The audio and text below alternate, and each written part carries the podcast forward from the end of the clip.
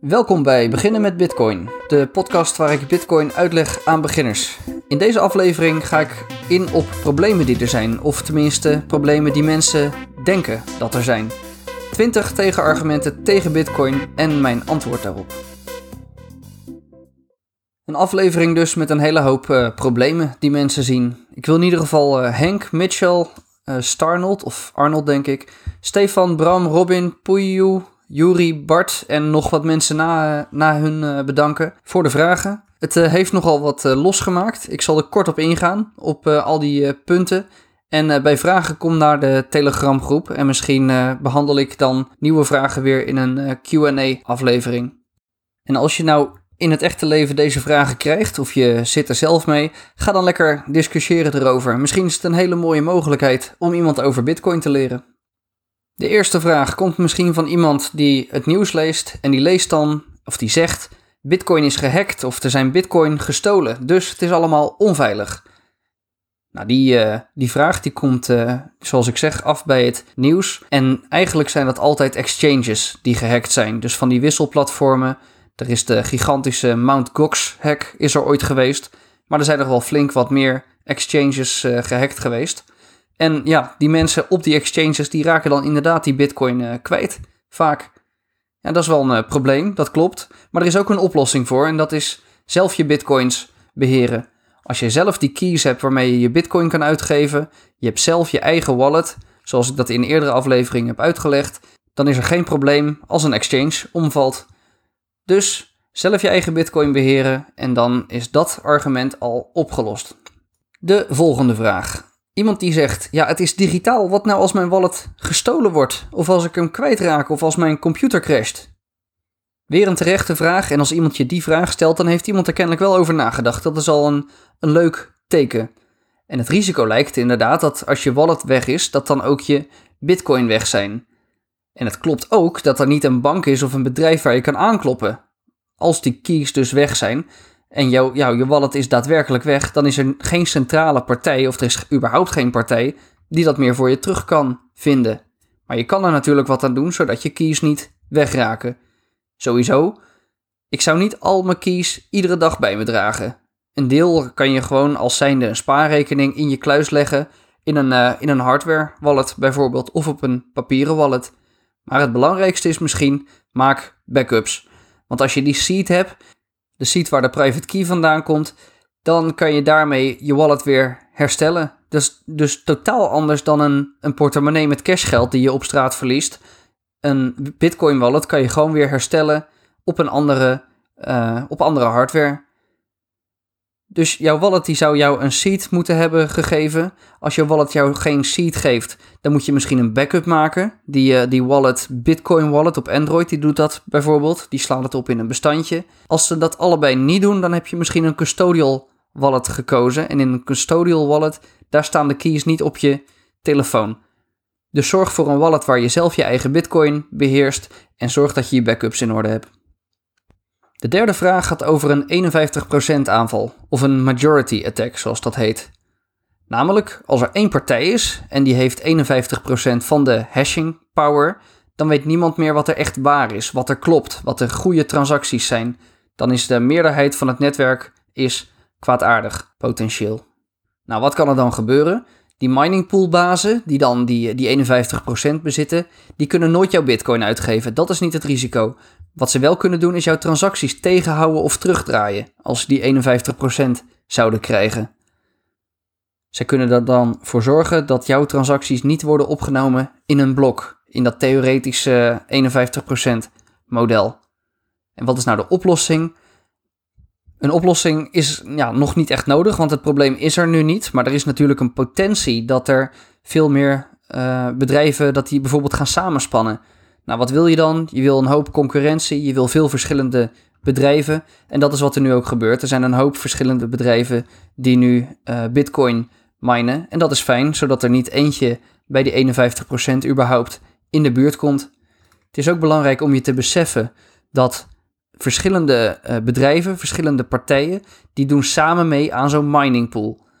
En mining pools, daar ga ik het later nog over hebben. Maar het komt er in ieder geval op neer dat als je dat grafiekje ziet van de bedrijven of de mining pools die de bitcoin vinden. En je ziet er al eentje die bijvoorbeeld al 40% van de uh, hashing power zou hebben. Dan is het goed je te beseffen dat dit eigenlijk allemaal uh, kleinere bedrijven zijn die dan meedoen aan dat grote collectief.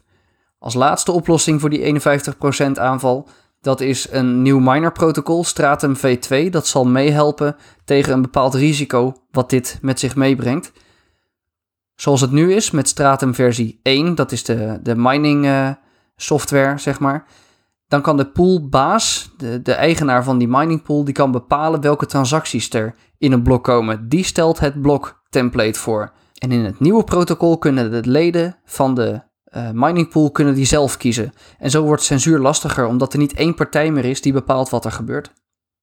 De vierde vraag. Je zou overvallen kunnen worden en je bitcoin kunnen gestolen worden. Dat uh, klopt inderdaad. En het probleem is vooral als mensen weten dat je bitcoin hebt en uh, misschien gaat die waarde wel enorm omhoog, dat je daar risico uh, op loopt. Dus wat je dan het beste kan doen is gewoon beter niet vertellen dat jij bitcoin hebt misschien of je kan beter Tor gebruiken om je internet te anonimiseren als je naar, naar Bitcoin zaken zoekt. Of uh, je, je zet je eigen Bitcoin-node zet je achter een Tor-adres bijvoorbeeld, zodat dat niet te koppelen is aan je thuis-internet. De vijfde vraag gaat over prijsschommelingen. En dat is inderdaad waar. En dat is nog wel een van de opstartproblemen die we nu hebben. Want de prijs die schommelt inderdaad. Nou, zelf vind ik het niet echt een probleem als de prijs op de lange termijn maar omhoog gaat. En ik denk ook dat als de hele wereld Bitcoin gebruikt, of uh, als het straks nog honderd keer meer waard is, dan zijn er minder schommelingen. Dan is het een veel logger ding om tegenaan te schoppen. Ja, Bitcoin is pas net begonnen. Hè? Ik bedoel, uh, we zijn uh, pas een jaar of tien bezig. En als straks winkeliers en veel meer partijen dit gaan gebruiken, dan gaat de prijs omhoog. En dus ook de hele market cap. En dan maakt 100 miljoen erin of eruit maakt een stuk minder verschil dan nu. Het is natuurlijk voor winkeliers is het wel lastig als de prijs schommelt, dat je niet een vaste bitcoinprijs erop kan zetten. En wat ze dan nu doen, en dat is op zich ook wel een oplossing, is de prijzen omrekenen live terwijl je aankoopt. Dus ze zeggen nog steeds wel dat iets 10 euro waard is. En op het moment van afrekenen, rekenen ze dat dan om naar de precies de koers van bitcoin. Dus volgens mij is die prijsschommeling is dat vooral een tijdelijk probleem. Dan een van de grotere of vaak gehoorde tegenargumenten. Dat is het elektriciteitsverbruik en dat bitcoin slecht zou zijn voor het milieu. Ja, het is een veel gehoord argument dat bitcoin veel stroom kost. Ik vind zelf van niet. Bitcoin is het enige betrouwbare decentrale systeem voor geld, voor, voor decentraal permissieloos geld. En ik heb dat geld ervoor over, ik heb die transactiekosten ervoor over, voor het hebben van een uh, systeem als deze. Mij is het dus dat waard en ik zie het dus niet als probleem. Ik heb zelf meer een probleem met uh, de grote bankgebouwen die uh, er zijn en die ook heel erg veel energie opslurpen. Of het goud wat uit de grond gehaald wordt en ge gemined en omgesmolten en wordt getransporteerd en dan ergens moet worden opgeslagen. Dat kost veel meer energie dan wat bitcoin kost. Ja, dat vind ik dan weer zonde. Wat gelukkig wel helpt is dat een hoop van de energie die bitcoin miners gebruiken, dat dat komt uit hernieuwbare energie, zoals uh, waterdammen, waar, uh, waarvan die hydro-energie wordt opgewekt. En nu is het regenseizoen is, is in China begonnen, dus trekken er weer miners die kant op en gebruiken ze daar zeg maar gratis stroom. Stroom die anders niet gebruikt had kunnen worden of weggegooid zou worden en daarom erg goedkoop is. Er zijn ook miners die werken met afvalstroom. Dat komt dan bijvoorbeeld bij gas- en olievelden vandaan. De overschotten daar, die anders ook niet gebruikt zouden kunnen worden of echt een tijdelijk uh, overschot zijn, die worden dan uh, normaal gesproken verbrand. Maar er zijn ook bitcoin miners die daar dan energie van maken. Ja, het is echt een race naar de bodem. En zeker de groene energie of de energie die anders weggegooid zou worden, dat is de goedkoopste energie. Dus dat wordt ook veel gebruikt. Ik heb ergens statistieken gelezen dat 77% van de Bitcoin-energie dat dat hernieuwbaar zou zijn. Ja, ik weet niet of iemand dat ooit echt kan controleren. Het, ja, het maakt mij dus vooral uit. We zijn hier een nieuw systeem aan het opzetten en het is mij het waard om dit te hebben. En ik denk dat ook in een economie waar Bitcoin uh, de, de hoofdcurrency is, een deflatoir geld, dat dat ook heel erg goed kan zijn voor het milieu. Omdat als je geld later meer waard wordt, dan ga je ook minder consumeren. En dan. Uh, ja, dat lijkt me ook wel beter voor de aarde.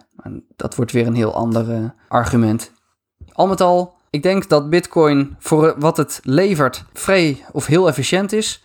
Dat goud bijvoorbeeld veel minder efficiënt is. Ja, dat kost ook veel meer energie. En er wordt dus een hele hoop groene energie gebruikt.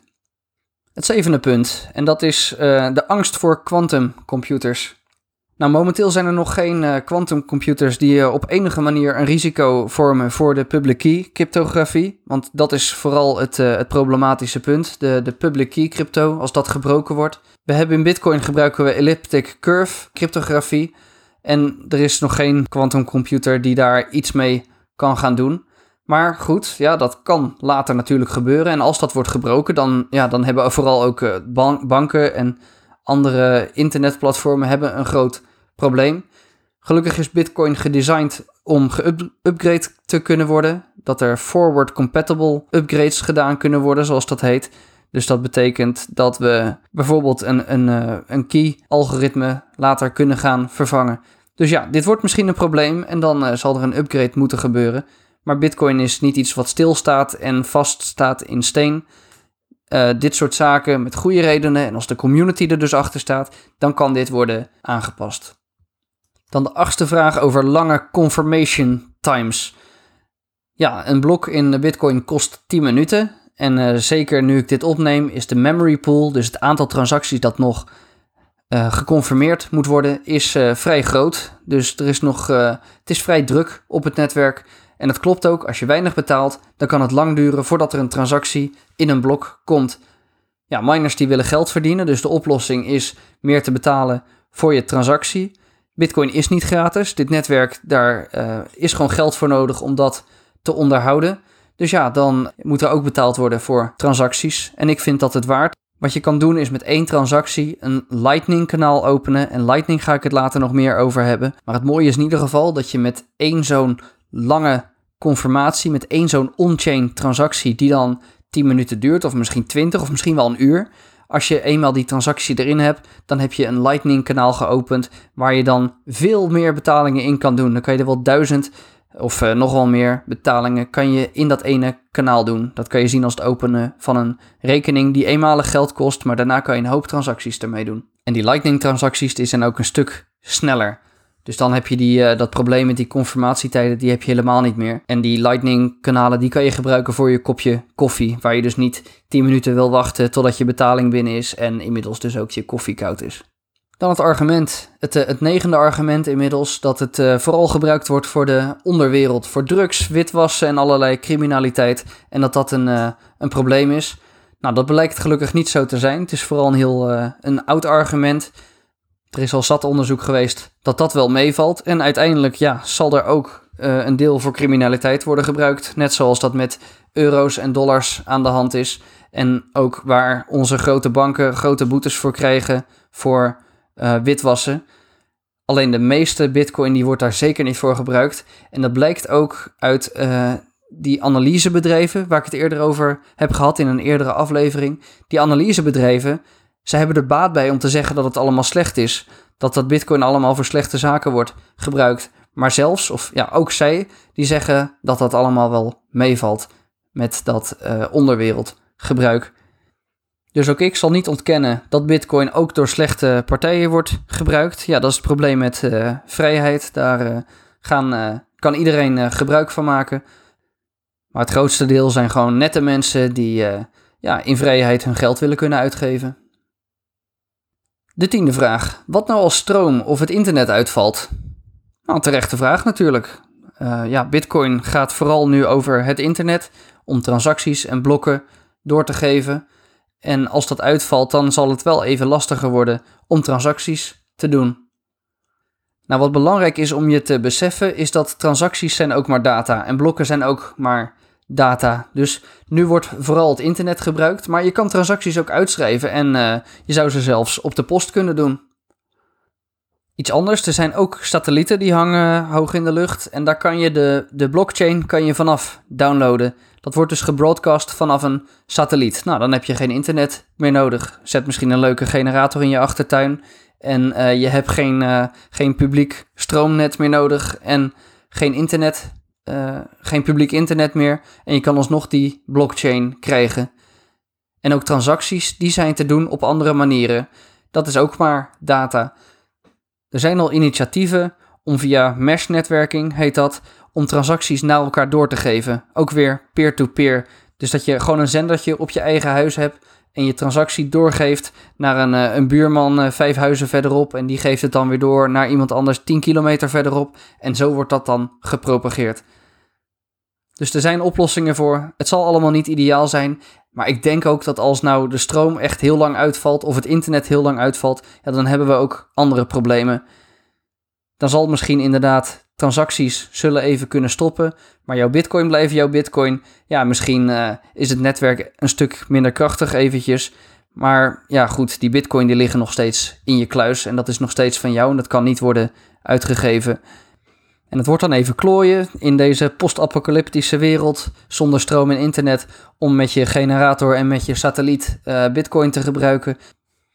Maar als de wereld dan uiteindelijk weer draait met uh, stroom en internet, dan kan jij gewoon die bitcoin weer uitgeven en niemand die kan dat uh, aanraken, zeg maar. Want dat is gewoon, het zijn jouw keys, het ligt in jouw kluis, het is van jou, het is jouw wallet. Dan het elfde punt, iets wat tot veel verwarring leidt, ook bij, uh, bij oude generaties. Hoe kan iets nou waarde hebben dat niet gebackt is door goud, waar geen fysieke assets tegenaan zitten, wat, wat je niet aan kan raken. Hoe kan dat nou waarde hebben? Het bestaat niet, zeggen ze dan. Nou, de jongere generatie die snapt dit steeds meer. Dat ook iets wat digitaal is, dat dat schaars kan zijn. Uh, zeker als je gamet bijvoorbeeld. Dan, ja, sommige uh, skins of wapens, die zijn dan uh, in games een stuk schaarser. En die schaarste, dat is nou precies waar het om draait. Veel mensen die snappen schaarste niet of niet goed. De grootste waarde van Bitcoin is nou net die schaarste en iets wat schaars is en bruikbaar. Dat kan waarde krijgen als mensen daarin geloven. En er zijn zat mensen die in Bitcoin geloven. Er is ook nog een hele groep die nog niet in Bitcoin gelooft, maar dat komt vanzelf. Maar het gaat echt om die schaarste. En het is dus wiskundig gezien is het te bewijzen dat Bitcoin schaars is. Dat is waar die protocollen achter zitten. En ja, zo kan je dus bewijzen dat Bitcoin echt schaars is. En schaarste, dat kan waarde krijgen. Wat ook leuk is om terug te beantwoorden op mensen die zeggen: ja, uh, het is niet gebaseerd op goud of wat dan ook. Ja, wat, je, wat ik dan vaak ook zeg: joh, de dollar en de euro, dat is ook niet gebackt door goud. Veel mensen hebben dat idee nog, maar sinds 1971 is dat niet meer het geval en wordt er enorm bijgeprint. En er is geen protocol of iets fysieks uh, wat dat tegenhoudt. Vroeger moest er dan meer goud komen om meer dollars uit te geven of meer euro's uit te geven. Ja, en nu kan er gewoon uh, getalletjes worden gecreëerd. En dat is ook wat private banken doen. Die, uh, ja, die genereren gewoon nieuw geld. En dat is nou precies wat Bitcoin beter doet in mijn ogen. De dertiende vraag. Hoe kan je nou iets vertrouwen waarvan je niet weet wie de maker is? Nou ja, we kunnen allemaal zien hoe Bitcoin werkt, is dan mijn antwoord. En Bitcoin draait niet om autoriteit. Er is niet één leider die bepaalt waar we heen gaan. En gelukkig niet ja, ik ben blij dat dat niet zo is. Ik vind het fijn dat uh, we kunnen zien wiskundig hoe het zit. Want aan de andere kant vind ik het helemaal niet fijn dat de overheid en banken nu zoveel geld kunnen bijdrukken. Dat maakt mijn geld minder waard. Ik, ik vertrouw liever in wiskunde. En als je er lang genoeg op studeert of een IT-achtergrond hebt, dan kan je precies begrijpen hoe Bitcoin werkt en wat er precies in de toekomst gaat gebeuren en waar die Bitcoin vandaan gaan komen. Dus dat is mij meer waard dan centrale banken die uh, het zogenaamd goed met ons voor hebben. Geef mij maar die voorspelbaarheid. Ik vertrouw dit systeem een stuk meer. Ja, dat ben ik. Voor veel mensen is het wel lastig hoor, om iets te vertrouwen waarvan ze inderdaad de maker niet kennen.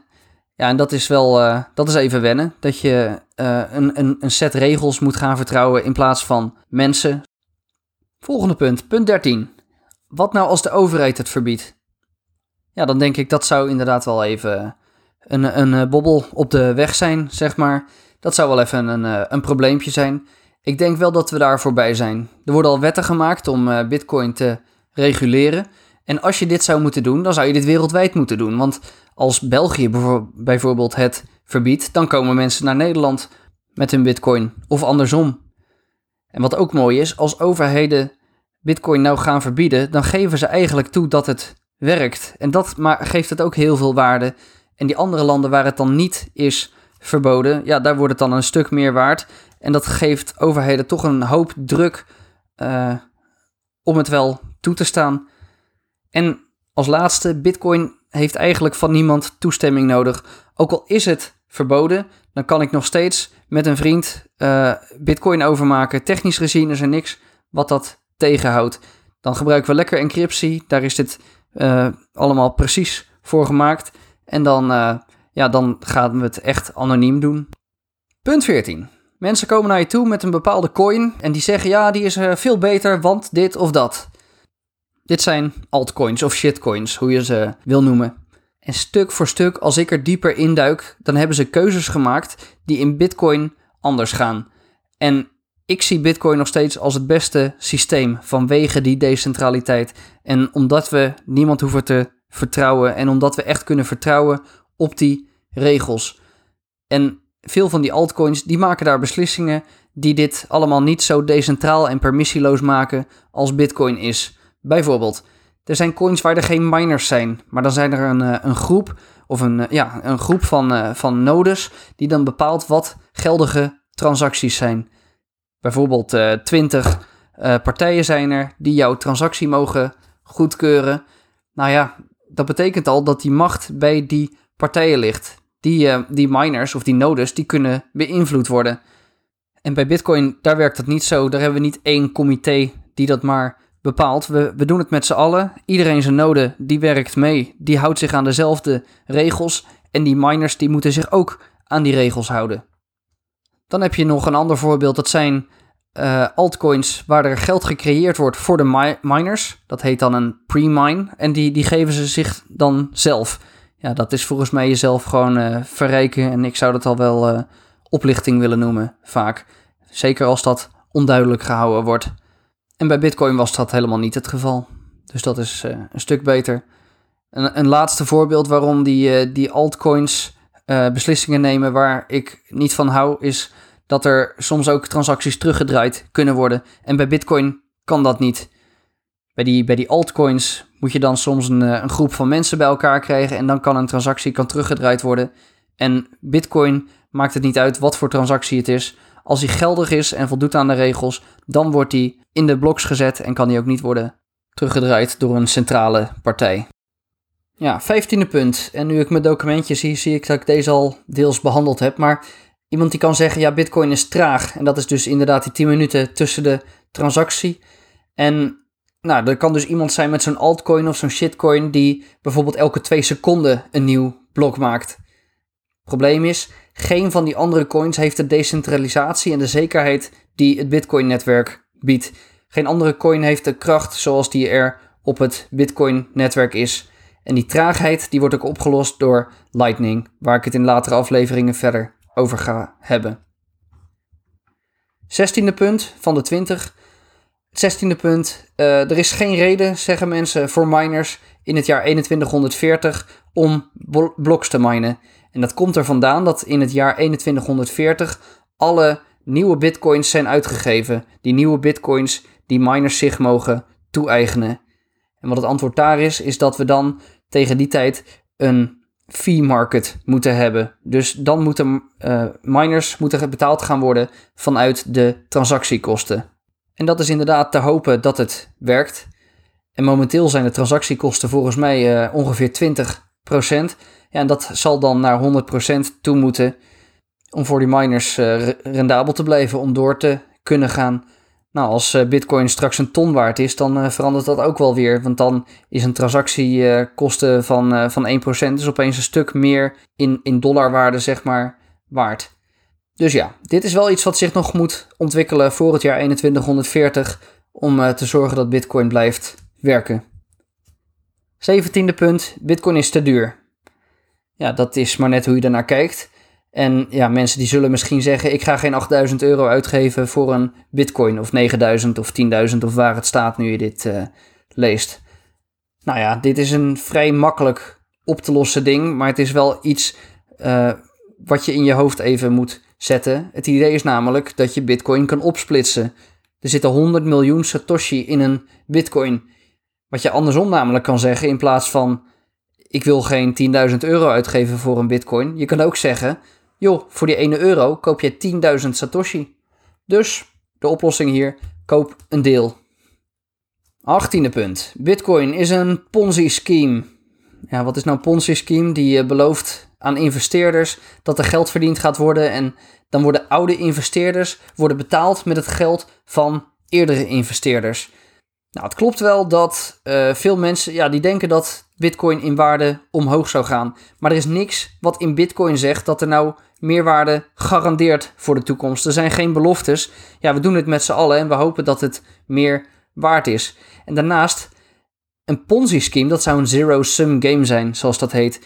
Dat er netto aan het eind niks uh, gewonnen is. Dus de eerdere investeerders die winnen en de laatste die verliezen. En dat hoeft helemaal niet zo te zijn bij Bitcoin. Bitcoin kan een uh, Bitcoin kan een win-win zijn.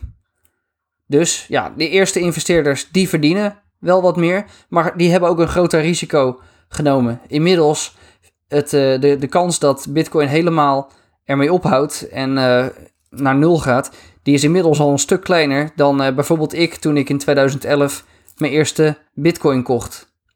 Al met al, wat betreft een Ponzi-scheme, niemand garandeert je dat er geld verdiend gaan wo gaat worden. En um, ja, Bitcoin kan een win-win zijn, iets wat een Ponzi-scheme nooit kan zijn.